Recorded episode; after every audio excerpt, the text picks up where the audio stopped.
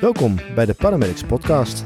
In deze podcast vertellen we bijzondere verhalen die wij als paramedics tegenkomen.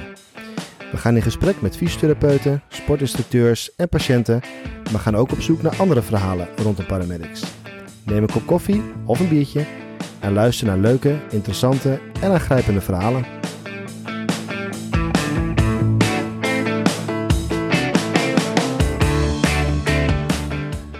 Goedemiddag, we zijn er weer bij de Paramedics podcast. Dit keer met een andere gast. Andere als vorige keer. Vorige keer deed het over kruisbandblessure. Nu over een heel ander verhaal. Hans, welkom. wie is Hans? Wie is Hans? Ja, wie is Hans? Wie is Hans? Hans is eh 46. Hij woont in eh, Assen. En eh, ja, ik heb als hobby's eh, fietsen en eh, volleybal. Fietsen, volleybal, kijk aan. En er zit hier nog iemand natuurlijk. We hebben weer een fysio voor de technische achtergronden. Absoluut. Stel je eens even voor. Laurens Hoosbeek, eh, fysiotherapeut hier bij Paramedics. En ik was eh, een paar jaar geleden nauw betrokken bij het, eh, het hele traject van Hans, wat we straks gaan vertellen. Interessant, ben benieuwd. Ik kreeg vorige keer de feedback dat ik mezelf niet voorstelde. Ik ben Pim, ik werk ook bij Paramedics, ja. op de sport en dus nu ook de podcast. Maar goed, daar gaat het niet over. Het gaat vooral om Hans, jij zit hier nu bij. Ehm, om te beginnen bij jouw verhaal. Je hebt natuurlijk een ongeluk gehad. Ja, klopt. En daarom ben je uiteindelijk begonnen aan een fysiotraject uh, bij Paramedics. Kun je ons een beetje meenemen in uh, hoe dat gegaan is? In welke context gebeurde dat? In de context. Dat was in 2015, uh, zomervakantie. We waren met vrienden van ons in, in Duitsland op een camping. En het was ja, op een avond, net nog even voor het eten aan, zouden barbecuen met een stel vrienden. En ik zeg tegen mijn vrienden van, en tegen de kinderen van, kom, we gaan nog even naar het zwembad. Nog even, nog even erin. En uh, nou, er was een mooie duikplank, een lage duikplank. En daar waren een paar dagen van afgesprongen. En ja, weet het moet steeds hoger, gekker en uh, hardere bommetjes. En uiteindelijk, uh, ja, bij drie keer afzetten, ja, was het pang. En ging ik door mijn knie heen en lag ik in het water. Dus je zakte toen je neerkwam met die derde sprong? Ja, de, toen de klap van de plank eigenlijk tegen, nou, tegen mijn knie aan. Oké. Okay. Dus, dus ja, bij het afzetten, ik had drie keer gesprongen. En bij het afzetten, pang, ja, knapte er iets in mijn knie. En toen viel je in het water en toen wist en toen vind ik in, de, in het water en uh, je probeert te zwemmen. Maar uh, ja, je hebt het gevoel dat één been niet meer doet wat hij moet doen, zeg maar. Hoe was dus, dat? Wat, wat, wat gaat er dan door je heen op dat moment? Ja, nou, het eerste probeer je boven te komen. Dus je, met je armslag uh, kom je natuurlijk wel makkelijk boven. En, en toen ben ik naar de kant gezwommen op armslag. En een, mijn vriend, die, een vriend van mij, die zat op de kant. En die die zag al van, hey, dat, uh, dat is niet goed. Dat gaat die niet had het direct dus, al door toen je in het water Ja, die viel. had het direct al, die had de afsprong al gezien. Die dacht van, nou, dat gaat niet helemaal uh, zoals het hoort, zeg maar. En uh, dus uiteindelijk de badmeester erbij. En ja, hebben ze me met twee man uit het water gehaald. En ja, daar bleek dus wel vrij snel dat ik mijn onderbeen niet meer kon bewegen. En was dat ook dat je fysiek direct zag van, hey, dit gaat helemaal mis? Of nou ja, ik voelde het direct. Ik lag in het, in het water en je probeert te zwemmen. Ja, en, en, en, ja, dat onderbeen deed niks meer, zeg maar. Dus mijn rechter onderbeen reageerde gewoon niet meer zoals die uh, normaal reageert, zeg maar. Dus ja, daar kwam geen kracht meer uit. En dan lig je daar dus aan de kant. Wat, wat denk je dan bij jezelf? Van, ja, dit... van wat is hier aan de hand? Wat is er gebeurd? Uh, weet je, je, je, vraagt direct even terug aan, je, aan, weet je, aan de mensen om je heen van wat is er gebeurd? Van heb je het gezien? Uh, ja. Ja, en uiteindelijk uh, is het uh, afwachten op de ambulance. Weet je, eerst koeling erop, maar na de koeling, uh, ja, die knie die deed niks meer. Dus ambulance gebeld. En uiteindelijk zo in de zwembroek, in de natte zwembroek, zo achter in de ambulance in Duitsland. in, in het, naar het ziekenhuis toe. En daar aangekomen naar de traumaarts. En de traumaarts die pakt eigenlijk bovenbeen vast, onderbeen vast. En die tilt hem omhoog. En die laat het onderbeen los. En dat onderbeen valt zo naar beneden toe. En toen zei hij al van, oh, ik zie het al. Uh, we doen de gips omheen en uh, gaan we terug naar Nederland. En uh, de, dus ja, toen was het letsel al bekend eigenlijk dat, dat, dat de pees onder de, tussen de knieschijf en, en, de, en het scheenbeen eigenlijk finaal door de midden was. En, en wat voert dan de boventoon op dat moment? Is dat dan een soort overlevingsdrang? Of welk, welke mindsets die, heb je dan als je in zo'n ambulance ligt? Ja, weet je, je weet niet wat je overkomt. Dus weet je, je gaat gewoon mee. En uh, ik weet nog in de rit naar, naar het ziekenhuis toe... waren ze alleen maar bezig om alle formulieren te laten maken. Dus ben je aan het regelen? En, uh, ja, ik was niks aan het regelen. Maar de ambulancebroeders van... Nou, wij ben je verzekerd, alle papieren. En, nou, dus, en uiteindelijk was ik ook... Nou, ik denk nog, nog geen drie kwartier in het ziekenhuis. Een paar krukken mee en succes zijn ze. Gaan we naar Nederland. Zo snel mogelijk Ja, zorg maar dat je in Nederland terugkomt. Hoe was het met de pijn op dat moment dan? Pijn. ik heb eigenlijk weinig pijn gehad, moet ik zeggen. En, want ja, het jaar was finaal door de midden. Dus uh, meestal is het dan ook dat alle zenuwen, alles doorgaat. Dus ik heb weinig pijn gehad. In het ziekenhuis krijg je nou pijnstillers om mee te nemen. En ze hebben gewoon volledig vanaf de enkel tot aan Melies in het gips gezet. Volledig vast. Nou ja, en uh, dan sta je buiten. Ja. Met twee krukken en een uh, En dan kun je gewoon in de, in de, eigen auto is het... nee, ik ben, uiteindelijk ben ik uh, eerst naar een hotel gegaan. Want het was dus in de avond gebeurd. Dus uh, een, kameraad van mij die heeft een hotel geregeld voor mij en mijn vrouw. Hij heeft de kinderen opgevangen. En uh, wij zijn in een hotel gegaan. Nou ja, dan moet je in je hotel slapen met een gestrekte poot, zeg maar. Ja, voor de eerste keer naar de wc. En dat was natuurlijk één dik drama. En wij waren aan het kamperen. Dus we hadden de tenten staan. Alles stond daar. Oh, je was ook aan het kamperen? We waren aan het oh, kamperen ook nog. Dus uh, uiteindelijk uh, de volgende dag terug naar de camping. En dan hebben we eigenlijk alle campinggasten onze hele auto ingepakt. En op dat moment is er een uh, speciale lichttaxi vanuit Nederland naar Duitsland gereden. Waar ook een chauffeur van onze auto in zat. Dus wij zijn uiteindelijk als gezin met een speciale lichttaxi. Waar ik gewoon met gestrekt benen in kon liggen. En de kinderen en mijn vrouw ook kon zitten terugvervoerd naar Nederland. En mijn auto en aanhanger is speciaal met een, uh, met een chauffeur teruggereden naar Nederland. Ja. ja, dat is een uh, hele mond vol uh, aan ver veranderingen dan ja. in één keer. Je gaat van on, nou, onbezorgd op vakantie in Duitsland naar ja. zo snel mogelijk terug naar Nederland met een onderbeen wat niet meer werkt. Wat niet meer functioneert. Voordat we verder ingaan op wat er daarna gebeurde tijdens de diagnose en de operatie. wie is Laurens uh, in dit verhaal? Jullie ontmoeten elkaar natuurlijk hier. Ja, eigenlijk Laurens pas on, ontmoet pas na de operatie. Ja, inderdaad. Dus in principe dat Laurens, ja, en dan ga je op zoek naar een fysiotherapeut. En uh, in, in dat opzicht ja, ga je op zoek naar de dichtstbijzijnde fysiotherapeut, wat voor jou praktisch is, zeg maar. Ja, precies. Nou, dat was uh, heel toevallig was dat Laurens. Toen kwam je hier terecht. Hoe was dat de eerste keer dat jullie elkaar voor de eerste keer zagen? Nou, het is best wel lang geleden, maar uh, ik kan mij herinneren dat ik. Uh, uh, ja, wat ik, zei, wat ik wel zei tegen Hans net. je hebt vaak van die standaard operaties met nieuwe knie, nieuwe heup of een nieuwe kruisband. Dan weet je vrij goed wat je kan verwachten. Nu komt er iemand binnen, flink toegetakeld met een, met een flink verhaal. En dat is als fysiotherapeut ook ja, wel interessant. dat je niet precies weet van oké, waar, waar gaat dit precies eindigen? Hè, waar, uh, waar staan we nu en waar moet dit allemaal heen? Dus uh, ik kan me nog herinneren dat ik, die, dat ik het wel bijzonder vond om, uh, om Hans en zijn verhaal met name te, te ontmoeten toen. Want als je dan naar de diagnose gaat, dan moet je hier natuurlijk, ja, jij zit hier waarschijnlijk ook dat je wel weet van dit is wel bijzonder. Dit is niet een enkel of een. Nee, dit is niet een. Nee, dit is echt een bijzonder letsel. Dat was uiteindelijk ook wel duidelijk in het ziekenhuis. Maar weet je, in de, na de operatie werd wel een heleboel duidelijk, zeg maar. En ja, ook de aard van het letsel, hoe erg het uiteindelijk was. Oké, want de, Laurens, kun je iets vertellen over de diagnose? Weet je nog wat, dat, uh, wat, wat er precies aan de hand was? En korte lijnen? Ja, nou ja, goed. Wat ik dus, ik, uh, nadat Hans bij mij kwam, uh, nou ja, kwamen we eigenlijk achter, door zijn verhaal uiteraard, dat de, de, de pees onder de knieschijf en het scheenbeen eigenlijk volledig afgescheurd was. Um, ja, dat is niet iets wat heel vaak voorkomt. Laat ik zo, dat zie je vaak bij verkeerstrauma's of hele zware uh, trauma's, ook wel eens in de sport. Maar dan ja, moet, moet, laat ik zo zeggen, moet flinke impact zijn om zo'n uh, trauma te krijgen. En um, wat zij gedaan hebben in het ziekenhuis, uh, en, is eigenlijk dat ze uit de hamstring, uit de bovenbeenspier vanaf de achterkant, een stuk donorpees hebben gehaald. Uh, en uh, die bevestigd hebben aan de knieschijf. En die vervolgens weer aan het onderbeen. Om eigenlijk een soort ja, nieuwe pace te creëren. Maar dat was eigenlijk ook nog, ging nog eigenlijk ook niet zo standaard, hè? Nee, nee, nee. Niks was standaard bij mij. Maar nee, de, de eerste orthoped is begonnen met opereren.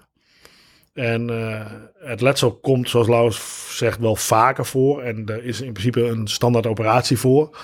Nou, die operatie die wou bij mij niet, want hij was te rafelig gescheurd, laat ik maar zo zeggen. Dus er was te veel kracht opgekomen. Dat hij, nou ja, hij lag eigenlijk helemaal open. En, uh, dus de eerste orthopeed die met mij bezig was, wist niet wat ermee aan moest. Toen hebben ze een andere orthopeed in het Wilhelmina ziekenhuis opgetrommeld. Uh, wat oudere, ervaren orthopeed. Nou, die heeft uiteindelijk dus de oplossing gevonden, zoals Lauwers net beschreef. dus uh, ja, met een, met een donorpees, een nieuwe pees ontwikkeld. En dus toen, heel... toen dichtgenaaid. En, Lijkt wel een heel plakplaatje van alles weer aan elkaar proberen vast te maken, zodat het allemaal weer werkt. Ja. Nou, dan heb je natuurlijk een diagnose. Wat, nou, het zegt al genoeg dat de eerste orthopeed al niet zo goed weet wat er die mee aan moest. Dan is het erg bijzonder. Dan kom je bij elkaar nou, op een intake, denk ik. En uh, hoe, hoe gaan die eerste twee keer? Hoe, wat voor gesprek ga je dan voeren? Over, uh, voer je dan een gesprek over verwachting? Had jij zelf verwachtingen? Had uh, de artsen, hadden die verwachtingen überhaupt? Zoals beginnen bij jezelf. Want, je, want wat kon je allemaal niet meer na de operatie? Nou, eerst heb je acht weken gips natuurlijk. Dus uh, er steeds wisseling van gips en kijken hoe het, hoe ervoor staat. Nou, uiteindelijk kom je dus eigenlijk direct na de operatie. Ze zeggen we zijn twee uur bezig en ze zijn inderdaad al zes uur bezig geweest. Dus ja, je, je komt al heel anders uit je operatie. Van, huh, wat, ik heb al heel lang onder zeil geweest, zeg maar. Nou, de volgende dag gesprek met de arts gehad.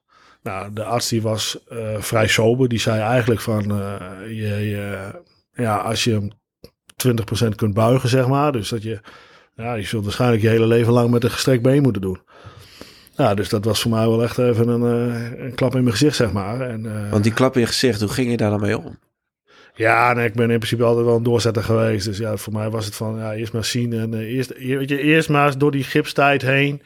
En kijken hoe het er dan voor staat. En, uh, Heeft dat voor jou ook heel erg geholpen in het, in het proces van zo'n diagnose? Dat je gewoon keek van oké, stap voor stap. In plaats dat je direct ja, je moet het ook stap voor stap aanpakken. Weet je, dat, zo, ja, dat, uh, een doel stellen. Ik, ik, had, ik had toen geen doel. Weet je. Het doel was gewoon uit de gips. En dan kijken van waar we staan. En dat was ook een beetje van, nou ja, orthopeet 1 zeg maar. Die, dus, die ook het gesprek voerde. Dus na de operatie. Um, nou, die zei dus van ja, weet je, 20% dan, 30%, eh, ja, weet je, gestrekt benen, ga daar maar van uit.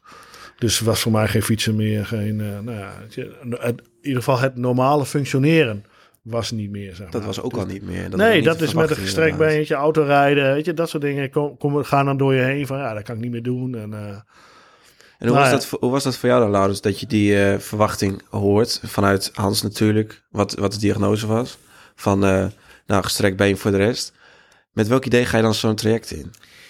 Nou ja, dat is natuurlijk voor een fysiotherapeut nogal tegenstrijdig. Want dan, dan denk je eigenlijk, wat doe ik dan hier nog? Hè? Dus dan kun je. Dus ik moet heel eerlijk zeggen dat ik vanaf begin af aan wel positiever dan dat gestemd was. Misschien ook wel een beetje tegen beter weten in. Het heeft ook niet zoveel met ervaring of wat dan ook te maken, maar meer met je, met je beroep als fysiotherapeut.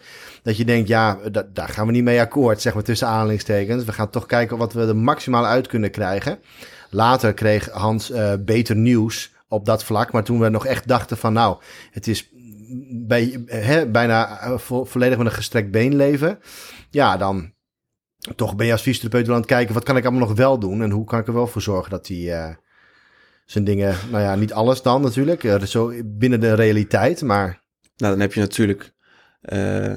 dan heb je die verwachting heb je staan. Dan heb je vanaf de duikplank... vanaf dat moment heb je eigenlijk alleen maar tegenslag. Ja.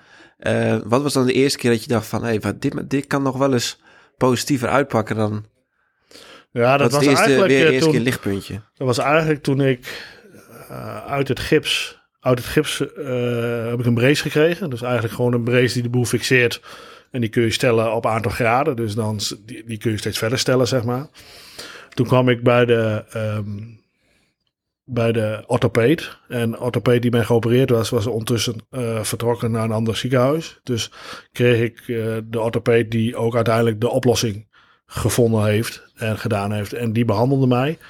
Uh, wat ik het mooiste vond van Laurens was dat hij op zijn woensdag altijd... Wij plannen de afspraak altijd op woensdag. Want op woensdag was Laurens altijd vrij. En dan kon hij dus in zijn vrije tijd kon hij met mij mee naar het ziekenhuis. Om het gesprek bij te wonen. En hadden we hele korte lijnen. Dan uh, Laurens die hoorde dan van de rechtstreeks van de, van, van de orthopeed van wat, wat is wel en niet mogelijk. Dus dan kun je heel makkelijk schakelen. En eh, ik vergeet nooit, wij zaten daar en eh, dus nou ja, die orthopeed komt binnen en eh, die, haal, die zegt van, ga maar zitten. Nou, doe je brace even af. Ja, doe je brace even af. Die had ik nog nooit afgedaan, zeg maar. Hij zegt, ga maar even op de hoek van de behandeltafel zitten. Dus ik ging daar zitten en hij zegt, nou, eh, laat je onderbeen maar even hangen, zegt hij. Ik zeg, oh, nou ja, weet je, dan heel voorzichtig laat je dat onderbeen hangen. En hij pakt het onderbeen vast en hij begint er zo aan te duwen en te trekken. En hij zegt van, oh, dit zit stevig genoeg, zegt hij. En hij kijkt naar Lauwers en zegt, eh, succes ermee. En eh, ga maar kijken hoe ver je kunt komen met buigen. Want dat Dus was, dat, Toen was het voor ons van, eh, nou, eh, nou kunnen we aan, weet je, nu kun je aan de bar. nu kan je aan de bak, zeg maar. Sky is the limit. Ja, Want het was, dat was dan dus het doel in het begin om weer te zorgen dat die buiging in, die, in het been weer terugkwam. ja dat uiteindelijk de, de flexibiliteit weer in die pace. Weet je, het was, uiteindelijk was het meer oprekken van de pace, denk ik. eh, nou ja, dat zijn we langzaamaan begonnen. En hoe lang, is, hoe lang is dat traject uiteindelijk geweest? Dat je weer naar, ook laten we zeggen, normaal functioneren toe kon? Dat, dat, is bijna een jaar, eh, dat is bijna een jaar geweest. Bijna een jaar geweest. Ja. En hoe, hoe hou je dat dan elke dag vol? Want elk, ja, ik kan me voorstellen dat je op een gegeven moment ook denkt, dit zijn wel langzame stapjes. Hoe blijf je dan wel positief en zorg je ervoor dat je dus wel het beste uit Nou ja, het is wel elke keer het resultaat. Dus elke keer heb je wel weer een stukje resultaat. Weet je, dan was het ja, twee weken eh, nou ja, aan de bak, zeg maar. En dan, eh, dan gingen we weer. Dan gingen we weer meten met zijn telefoon. En dan zagen we weer dat we vijf, weet je, vijf graden verder waren of een paar graden verder waren. En dat is uiteindelijk, weet je, elke keer, dat is je doel. Van je probeert elke keer weer verder. En heb je ook wel eens een moment gehad dat dat niet volgens verwachting Ja, tuurlijk. Dat is al, je hebt altijd wel een keer een terugslag. En hoe ga je daar dan mee om? Ja, nee, ik ben absoluut niet van de pakken neerzetten. En dat is bij mij de knop om. En eh, eigenlijk gewoon weer doorgaan. En, eh, Merkte jij dat ook aan, aan- in het traject? Het is natuurlijk, nou, dan positief dat zo'n blessure dan bij iemand als jij is geweest met dat doorzettingsvermogen en niet bij de pakken neerzitten. Heb jij er wel eens over verbaasd in het traject? Ja, absoluut. Ja, nee, maar dat is e- extreem belangrijk. Dat iemand, zeg maar, zeker als je het zo zwaar te verduren krijgt met een blessure. En je, combineert dat met iemand die zo eh, positief en, eh, is als Hans en zo'n doorzetter is.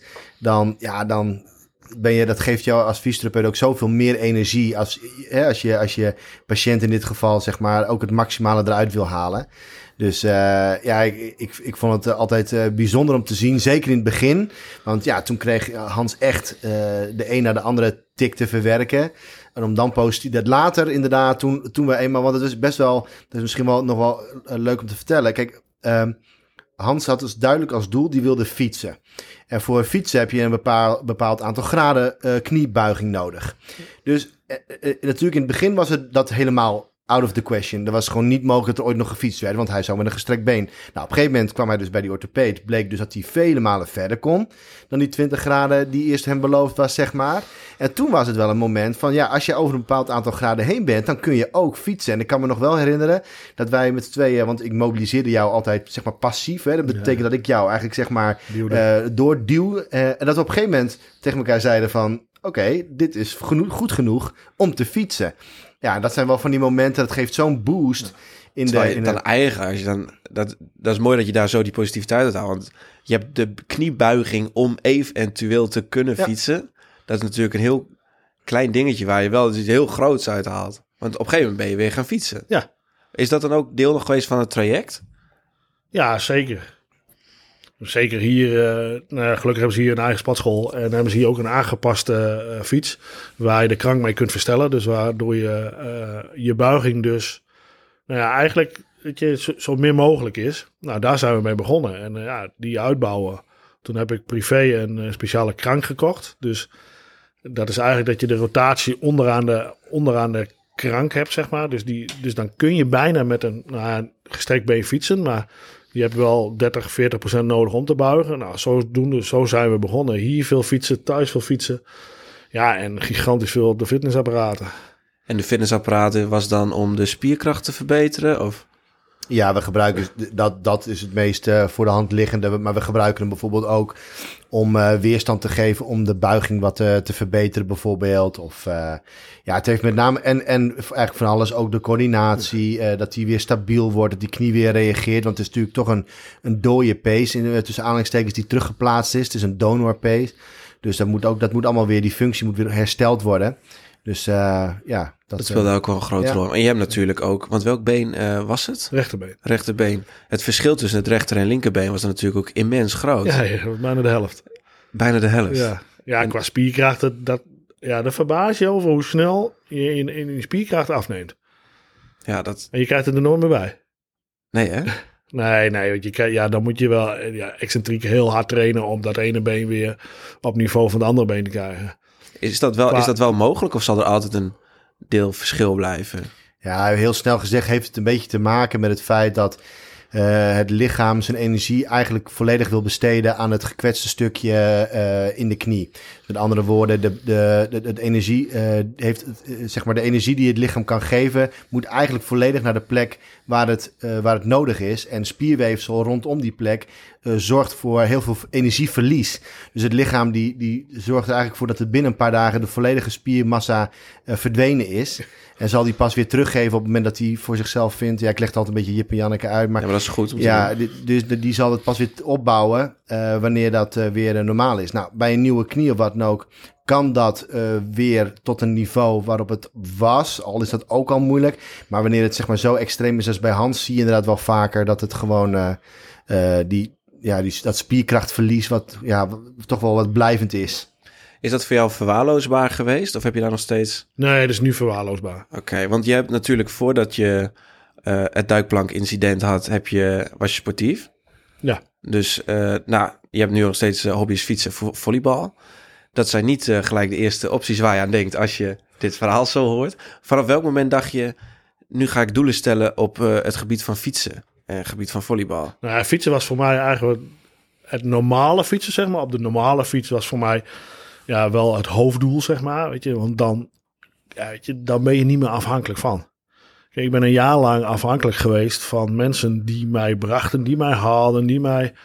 Weet je, het was altijd, eh, ja, Hans zit met gestrekt been, eh, die kan geen kant op. Dus naar mijn werk toe werd ik altijd gehaald en gebracht. En Was dat die Dus- onafhankelijkheid die je terug wou? ja, dat is uiteindelijk je doel ook, weet je. Dus met, met fietsen haal je eigenlijk weer je onafhankelijk, weet je. Dan kom je weer op de fiets naar kantoor toe, weet je. Met die buiging kun je ook weer makkelijk auto rijden.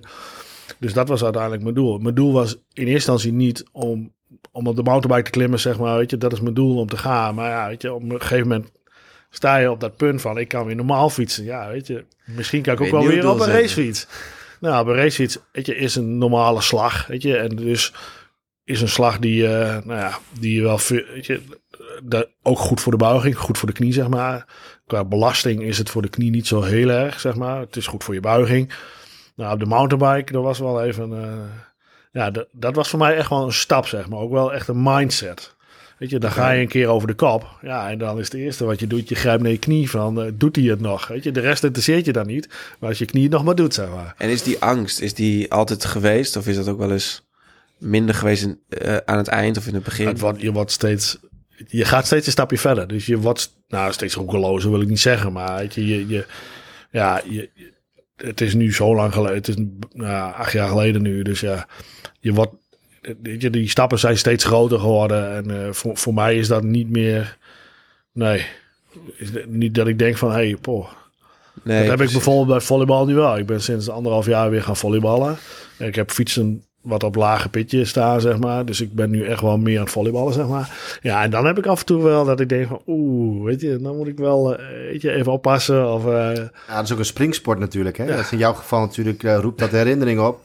Het is natuurlijk ook mis- misgegaan bij het landen. Dus eh, en dat, ja, dat is, Ja, dat is wel zo. Een springsporten zijn dan, eh, ja, is anders Ja. dan met de fiets. Dat is gewoon zo. soort van grenzen verleggen, maar niet doorbreken. Dus met, eh, ja, nee, je moet heel goed uitkijken wat je wel en niet kunt. Dat is... eh, Is het ook een stuk zelfbewustheid die je nu wel extra hebt als voordat je absoluut. het incident had? Absoluut. Je denkt nu drie keer, drie keer na voordat je denkt van... Oh, dat doe ik wel even. Dat, eh, nee. Heb je dan ook, ehm, als je op een positieve noot naar het traject terugkijkt, heb je ook iets aan het traject gehad waarvan je denkt dat had ik zonder deze blessure had ik niet dat gehad? Nee. Nee, dat denk ik niet. Nee, nee, nee. Ja, weet je, ik sta al eh, altijd al zo in het leven. Weet je? Ja, dat, dat is is, waar. dat is ja, voor mij is het een stukje doorpakken en, eh, en doelen stellen en hopen dat je doelen haalt. Natuurlijk, eh, weet je, dat gaat met eh, ups en downs. Ik heb ook wel eens mijn down gehad natuurlijk, dat ik eh, dacht van, oh man, eh, ga maar weg en eh, hak hem er maar af, zeg maar, in het begin. Maar Ja. ja, weet je, dat, dat hoort erbij. En, eh, maar ja, nee. Ik heb niet echt een... eh, Het was in principe de mindset die je van tevoren had, heeft je ook hier doorheen gesleept. Ja, Ja, die is niet veranderd, zeg maar. Nee, Die had je al sterk op orde dus. die heb ik altijd al gehad. Want op een gegeven moment ging je fietsen, heb ik volgens mij van Laurens opgevangen. Eh, maar het is niet bij een rondje racefiets gebleven. Nee, het is uiteindelijk de Calibier geweest. Eh, dat was ook wel een groot doel van... hebben we zakelijk gedaan en zakelijk georganiseerd met de hele groep een een sponsor toch, zeg maar, de Calibier op. Nou, Wat voor sponsortocht was dat? eh, was fietsen voor huis. Dus eh, dat, eh, eigenlijk sponsor je een huis in, eh, in een, in een, ja, in een vijland, zeg maar. Ja, precies. Dus, eh, En, was, dan, was dan de fietstocht, voor de, was, dat, was dat het doel? Om te fietsen voor de sponsor? Of was voor jou, zat er voor ook een mij, was het, voor mij was mijn eigen doel van naar boven komen, hoe, hoe, hoe dan ook. Heb jij nog een keer gedacht, toen je dat hoorde, Laurens, dat, dat, dat hij dat zou gaan doen? Van, dit zie ik niet zitten. Of dit moet hij niet doen? Nou, nee, niet dat ik het niet zag zitten. En ook niet dat hij het niet zou moeten doen. Ik had wel zoiets dat ik dacht van... eh, ja, kijk, in, hier in Nederland eh, over, de, de- over de fietspaden... dat kan ik mij goed voorstellen. Een beetje spelen met je, met je versnellingen... dan lukt het al heel snel. Maar zo'n calibier, ja, dat kan je niet even... eh, hè, dus dan moet je op die pedalen staan. Ik denk, nou, zou hij daar fysiek klaar voor zijn?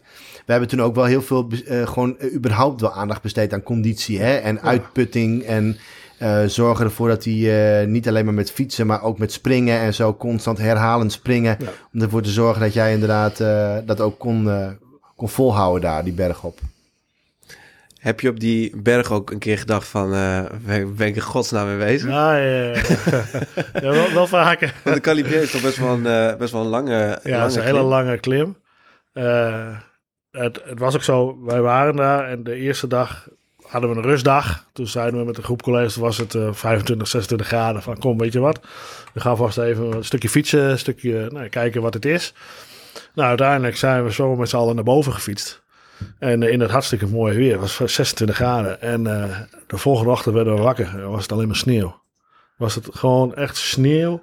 Wij fietsten bij nou, 0 graden de berg omhoog. Ja, en toen was ik, eh, nee, ik denk nog geen eh, uur onderweg. Toen stond ik al.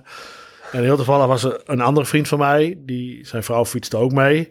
Die stond bij een post en daar stopte ik en daar gingen we het eten. En eh, toen zei ik, nou, ik stop ermee. Ik, ik kap ermee. Ik heb geen zin meer. Ik ga naar beneden. Weet je. Ik draai die fiets om en, eh, en hij zegt van, nee, dat doe je niet. Hij zegt, eh, naar boven jij. Dus eh, uiteindelijk... Mooi dat je die wel, mensen op dat moment ook om je heen hebt. ja, ja, ja. gewoon, eh, uiteindelijk zijn we zo omhoog gegaan. En nou, ik ben wel een paar keer van de fiets af geweest. Maar uiteindelijk zijn we boven gekomen. En hoe was het dan, op het moment dat je boven bent? Ja, nou, het was een beetje surrealistisch, zeg maar. Dus je komt boven, maar het was daar zo koud. En er was zoveel sneeuw. Dus het was in principe werd iedereen ingepakt in zilverfolie. En het was even snel een foto maken. En je werd in de bus geduwd en eh, zo snel mogelijk weer naar beneden. Dus eh, ja, dat was wel... eh, En kwam die realisatie dan later? Van, ja, ik later. heb dit ik wel heb het toch uiteindelijk gehaald, ja. Als je met z'n allen op het terras zit. Dat is ja, een bizar verhaal als je dan kijkt naar... Want hoe, hoe, hoeveel tijd heeft er tussen de Calibier gezeten en het moment Calibier van was het ongeluk? 2018, denk ik. Dus uiteindelijk eh, heeft daar drie jaar tussen gezeten. Is dat eh, benoemenswaardig? Naar Laurens aankijkend. Of dat, dat, dat, nou, als je binnen drie jaar, als je je hele benen naar de knoppen hebt... om dan drie jaar later weer een berg te fietsen? Nou, zeker. Kijk, als je kijkt naar zeg, hoe, hoe, eh, hoeveel achterstand hij heeft gehad met die tijd gips en dergelijke. Met name daar moet je naar kijken. En dan, eh, het is niet alleen die knie, het is ook heel lichamelijk ga je achteruit. De conditie eh, gaat achteruit. Dus als je het in dat, dat licht ziet, is, het, is het heel knap. Plus natuurlijk dat hij er keihard voor gewerkt heeft om überhaupt te fietsen. Punt. En, eh, en, en dan dat die Calibier ook nog eh, daarbij zat. eh, ja, dat eh, echt, vind ik erg knap van hem. Ja. Ja, dat is echt eh grootste respect. Voel je dat voor jezelf ook zo? Dat je, of is dat misschien dat ook wel een beetje de mindset is dan, hè? Ja. Doorpakken en nieuwe doelen Doorgaan, stellen weer. weer verder gaan. En, Precies. Dan eh, als laatste vraag. eh Laurens heeft jou, natuurlijk jou de hele, het hele traject meegeholpen. Eh, nou, elke fysio heeft natuurlijk zijn, eh, zijn visie. Heeft Laurens als persoon ook nog wat toegevoegd aan jouw traject hier? Op een positieve noot?